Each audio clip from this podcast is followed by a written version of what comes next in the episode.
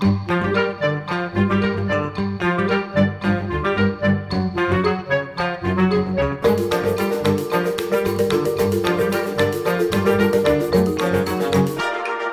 radio. Radio ar šodienas skatu pagātnē. Kā teica kolēģi no ziņu dienesta, tad ziņas ir radiocentrālā ass un mugurkauls. Raidījumā runāsim par to, kā tās ir mainījušās kopš teletaipa mašīnas lentes laikiem līdz internetu portāliem. Sākumā 1925. gadā Rīgas radiofons raidīja tikai divas stundas, no pulksten 20. līdz 22. un pārraide sākās ar jaunākajām ziņām, tad sekoja biržas jaunumi un laika prognozi. Vēlāk, 30. gados, ziņas jau skanēja divas līdz trīs reizes. Pirmais ziņu izlaidums skanēja pulksten 12. dienā. Skatot 1957. gada radioprogrammu, kad radio sāk un beidz savu ikdienas skanējumu ar pieslēgšanos Maskavai, pirmās ziņas divu minūšu garumā skanēja 6.48 no rīta, tad pulksten 8 tad 6 vakarā, un pēdējais ziņu izlaidums skanēja 21.30. Tagad informācijas pārbagātības laikā ir grūti iedomāties tik izretinātu ziņu pasniegšanu. Ziņas ātras, aktuālas, svarīgas un gaidītas, un tikpat ātri ierakstāmas vēsturē, jo uz šīs printa trases jau stājas nākamās. Kā ziņas ir tapušas vienā laika nogrieznī, to dienu ideoloģija, cenzūras šķērs un kāda tehnika nodrošināja to ieguvi un kā ziņas tiek raidītas šodien, par to šajā raidījumā.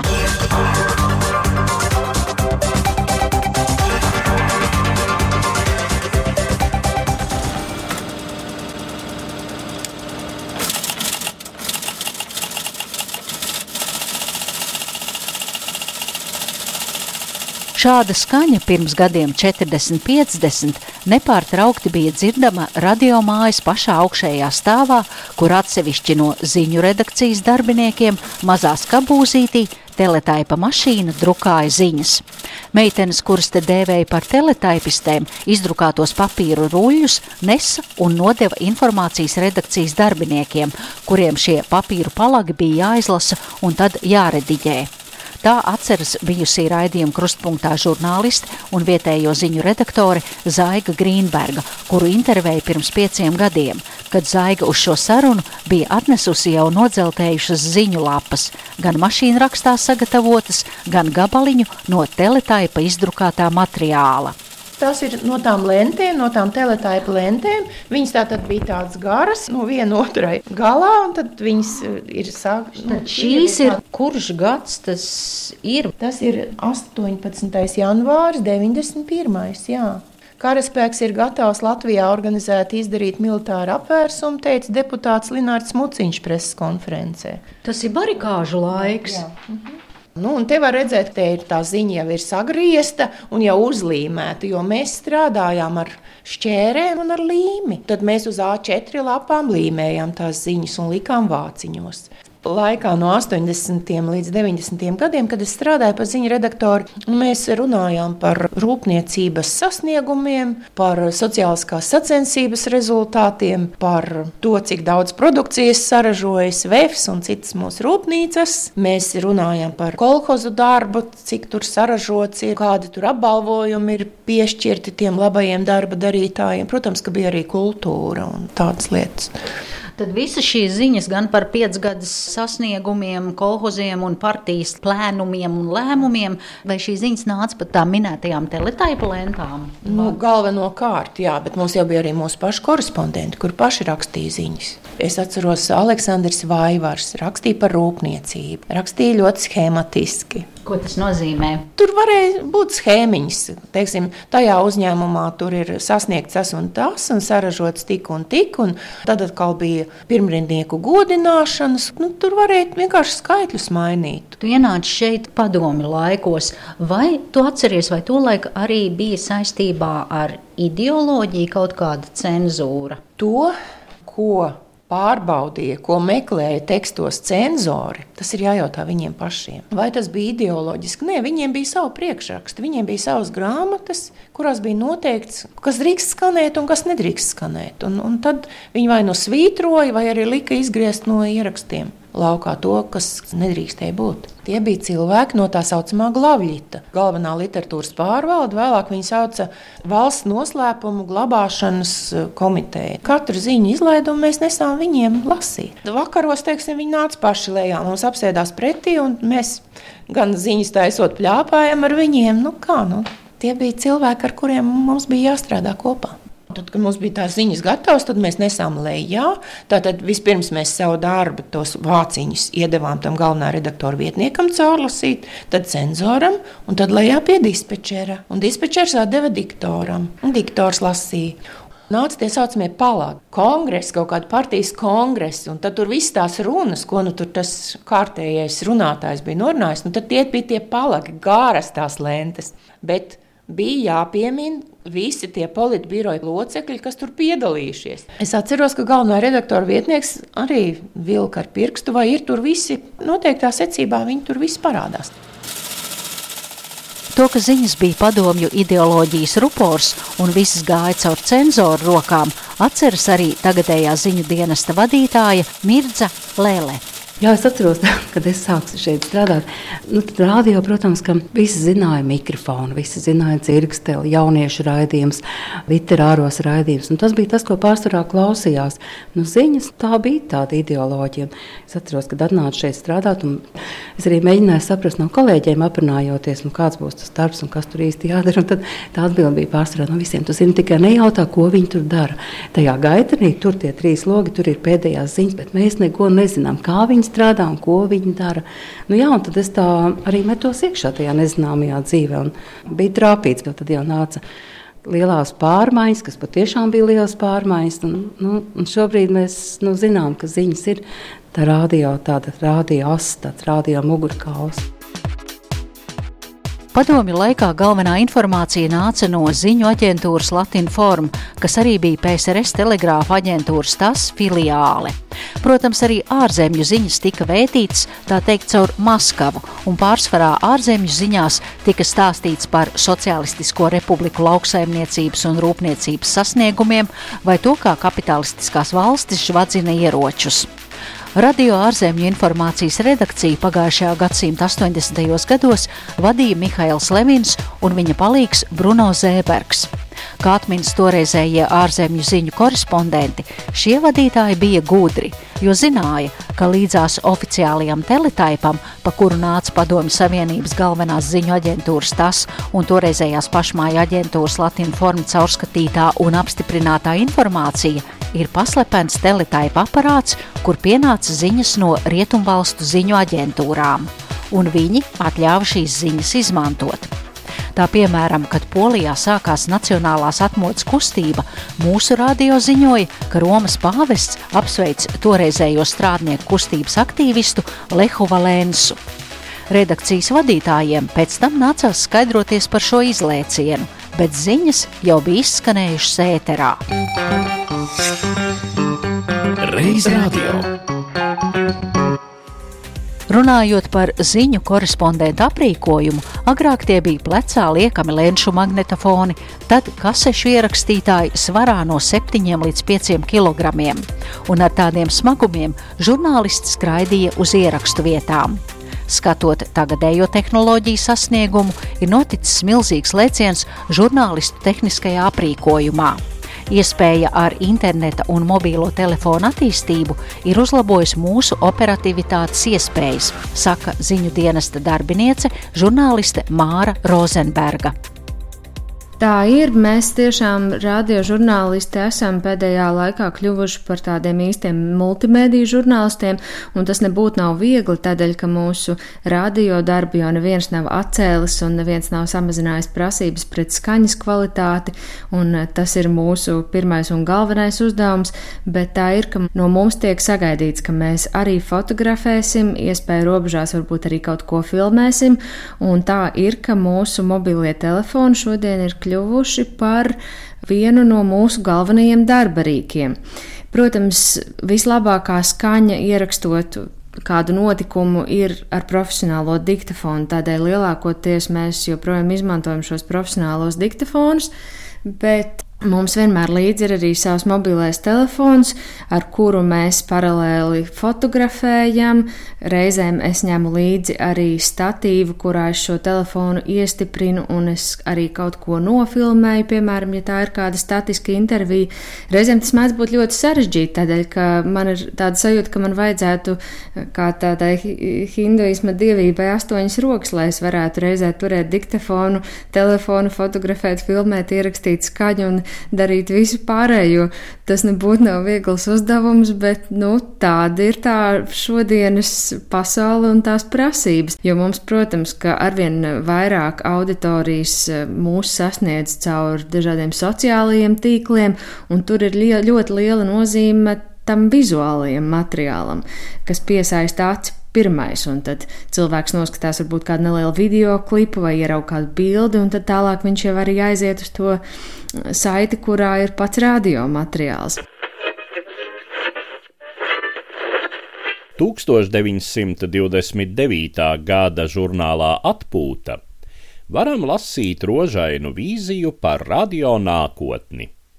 Nākotnē katram mājās būs savs radio kino Nepaies ilgs laiks, kad katram mājā blakus radioskaļrunim atradīsies arī tālredzes aparāts.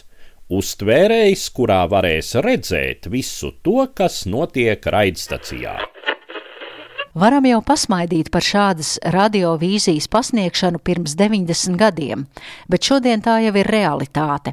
Tiešraides kameras studijā un ziņas, kas tiek gan ierakstītas, gan nofilmētas un arī nofotografētas un lielā ātrumā izplatītas interneta portālos. Šādu ziņu tapšanas virtuvi mums plašāk atklāja Latvijas radio ziņu dienesta multimediālā satura producente Justīna Savītska. Nu, radio ir tā priekšrocība, ka radio tieši tāpat kā agrāk, tāpat arī šodien ir mēdījis, kurš var darboties ļoti ātri. Tas ir daudz vienkāršāk nekā televīzijai, kurai, piemēram, vakarā ir ziņas, un tikai tur mēs izstāstīsim pašu jaunāko, bet radio tās ziņas skan nu, ik pēc pusstundas vai ik pēc stundas, skatoties, kuru kanālu jūs klausāties. Un noteikti nav tā, ka tas cilvēks, ko jūs dzirdat ēterā, ir vienīgais cilvēks, kurš kaut kādā veidā ir strādājis ar tām ziņām. Pirmkārt, ir svarīgi, ka Latvijā darbojas vismaz viena ziņu aģentūra, kur ļoti ātri var redzēt notikumus, kas Latvijā šobrīd notiek, vai citur. Otra lieta ir tā, ka radio ir korespondenti, kuri arī tieši tādā pašā veidā piegādā kaut ko jaunu, kaut ko pilnīgi citu, ko citi mediji vēl nemaz nav noķēruši. Viņi ļoti, ļoti lielā ātrumā ziņo tam pašam cilvēkam, kurš ies lasīt ziņas, pat ja vēl nav gatavs sižets, pat ja vēl nekas nav ierunāts, uzrakstīts, pasaka, tur ir tas, tur notiek tas, tur notika tas, un cilvēks ēterā var ļoti ātri mainīt to programmu. Un, un pastāstīt to, ko viņš tikko ir uzzinājis, kaut ko izmest ārā, kaut ko saīsināt. Tas viss notiek uzreiz. Radio vairs nav tikai tas, ko dzird ēterā, jo cilvēki vairs nevēlas šādā veidā patērēt informāciju. Cilvēki grib dzirdēt, redzēt, lasīt, skatīties, kaut ko piedzīvot tajā vietā, kur viņi šobrīd ir. Negrib speciāli slēgt eh, radioaparātu. Ja cilvēks lieto tikai sociālos medijus, tad tādam medijam kā sabiedriskais medijs, sabiedriskais radio, jācenšas viņu sasniegt tur, kur viņš ir. Pirmkārt, tās ziņas paņem portāls LSM, radio un televīzijas apvienotais sabiedrisko mediju portāls. Otrakārt, tās ziņas redz cilvēki, kuri strādā ar Latvijas radio sociālajiem medijiem, tiek ievietotas Facebook, tiek ievietotas Twitterī. Turklāt, kas ir tam visam klāt, tas nav tā tikai, ka ieliekam vienu tekstiņu, kas nu tagad ir noticis. Laikā, kad žurnālists veido sižetu, ar viņu sadarbojas sociālo mediju redaktors, kas sarunā un izplāno, kā mēs to darīsim, Varbūt tur ir vajadzīgas fotogrāfijas, kādas fotogrāfijas tur varētu vajadzēt. Varbūt tur ir vajadzīgs kaut ko nofilmēt. Kā jūs nofilmēsiet to visu? Kurš to samontēs, kā mēs to saliksim, kā mēs to stāstu veidosim, kur mēs viņu liksim.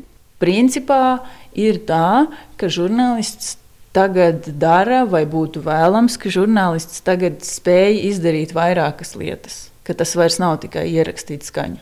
Neatņemama ziņu korespondenta darba sastāvdaļa ir tiešraides no notikuma vietas, un šī brīža kārtējais tehnikas jauninājums vārdā Lūcija šo raidīšanu krietni uzlabo. Par to stāsta Māra Rozenberga. Nu, ja runa ir par tiešraidēm, kādas mums diezgan bieži mēdz gadīties, kad kāds pasākums notiek tieši tajā brīdī, kad ir ziņas un ir svarīgi pēc iespējas ātrāk nodot to informāciju klausītājiem, tad eh, mums pēdējā laikā tāds lielisks risinājums ir programmatūra telefonā ar nosaukumu Lūcija, ko mēs visi mīļi saucam par Lūciju. Mums šis telefons, visu ziņu dienestu ir viens, un um, mēs vienmēr prasam, kuram ir Lūcija vai var paņemt Lūciju. Vārdu sakot, Lūcija ir tāda programmatūra, kas mums ļauj ēterā tiešraidē izklausīties gandrīz tā, it kā mēs būtu studijā. Proti nav šī telefona sarunas čerkstošā skaņa, kas reizēm ir grūti saklausām, bet mēs izklausāmies tā, it kā mēs būtu studijā, lai gan patiesībā mēs varbūt atrodamies kādā klajā laukā. Klausītāji droši vien būs dzirdējuši, kā Toms Brits no rītiem mums stāsta laika ziņas. Viņš jau arī gandrīz nekad nav radio studijā. Viņš ziņo no dažādām vietām, kur viņš tobrīd atrodas, eh, un tā, tā kā mums šobrīd ir tādas tehnoloģiskas iespējas, tad faktiski, lai sasniegtu šo labo radio skaņas kvalitāti, kvalitāti, tev pat nevienmēr ir jāatrodas radio studijā. Mašīnām slēgtajā tērba cielā pašlaik atrodas arī mūsu kolēģi Māra Rozenberga, ar kuru šobrīd esam sazinājušies. Sveika, Māra! Sveiks, Girt! Kā izskatās tērba cielā šobrīd? Jā, arī es pašlaik atrodos slēgtās Tērbats ielas pašā vidū, kur parasti divās joslās brauc mašīnas.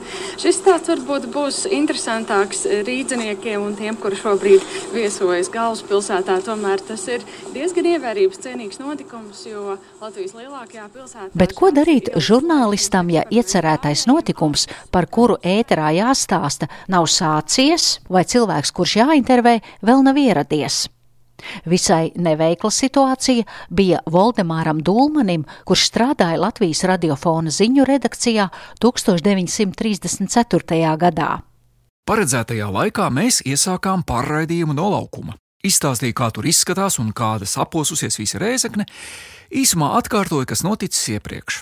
Kad palūkojos pulkstenī, bija pagājusi gandrīz pusstunda, bet prezidents vēl nebrauca. Atgriezos atpakaļ pie sporta laukuma, turpināju vēlreiz par reizekni un priekšpusdienā redzēto, bet skats aizvien biežāk pievērsās pulkstenim un sporta laukuma ieejai. Pagāja vēl 10, tad 15 minūtes, bet nekas nenotika. Mans stāstāmais apsīka. Izmisis mēģināja sadomāt, ko teikt. Klusums. Tad pēkšņi aiz sevis dzirdu dusmīgu balsi. Pie vēlna runā, stāsta kaut ko, nekas neiet gaisā. Tas bija inženieris Janners. Kā slīkonis pie salma, tā es vēlreiz pie sporta laukuma, saules mākoņiem, nomocījos tā vēl kādas piecas vai sešas minūtes. Tad no orķestris sāk spēlēt apsveikumu, ļaudis gavilēt, biju glābts. Mana grūtākā cīņa pret laiku nu bija galā. Tā Voldemāra Dulmaņa rakstītās atmiņas radio vēstures grāmatā ierunāja mans kolēģis Girts Bišs. Arī šodien ziņu reportieri nav pasargāti no šādām ķibelēm, un par to atkal vārds kolēģei Mārai Rozenbergai. Tas, kas reportieriem vienmēr ir jāņem vērā, ir, ka pirms tam ir jāsagatavojas. Tu nevari iet ētrā kā balta lapa cerībā, ka tu varēsi izstāstīt to, ko tu pašlaik redzi vai dzirdi. Tev ir jābūt fona informācijai par to, uz ko tu esi aizgājis, kāpēc šis pasākums notiks, kas tur būs. Un jo vairāk šīs informācijas, jo labāk. Jo, ja gadās tādas reizes, kad patiešām nu, tev ir jābūt ētrā, bet vēl nekas nenotiek, tad tev vismaz ir iespēja izstāstīt, kas notiks un sagatavot to klausītāju, kādēļ tas ir svarīgi. Bet es atceros vēl vienu interesantu lietu, kas iespējams, ka klausītājiem nenāk prātā tad, kad viņi klausās, kā reportieris tiešraidē par kaut ko ziņo, ir tās visas dīvainās vietas, kurās reportieri uz to brīdi mēdz atrasties. Protams, ka ir iespējams, ka žurnālists var būt tur laukā vai pasākumā, kur kaut kas notiek, bet mums jau jāņem vērā arī tās skaņas īpatnības. Mēs nevaram atļauties, lai mums pūš vējš mikrofonā, lai ir ļoti skaļš fons apkārt. Bieži vien mums kaut kur ir uz to brīdi jānoslēpjas. Un man arī ir bijis tāds gadījums, šķiet, tas bija kādā no ministrijām, tikko bija notikusi svarīga preses konference, un pulkstenis ir 12, un man tūlīt zvanīs, un es saprotu, ka vienīgā klusā vieta visā šajā ministrijā, kur es varu kaut kā noziņot, ir tolete. Un tad es stāvu toletē un um, Tā par laimi ir viena cilvēka toalete, līdz ar to man nav jābaidās, ka kāds blakus noraus ūdeni, bet tomēr eh, durvju raustīšana bija, un man nācās turēt durvis ciet ar plecu un reizē cīnīties ar to, ka kāds gribēja attaisīt durvis un vienlaikus mēģināt tādā mierīgā un labi nostādītā balsī izstāstīt par to, kas tad tikko tika izstāstīts preses konferencē. Tiešais ēters. Tava pārteikšanās izskan publiski.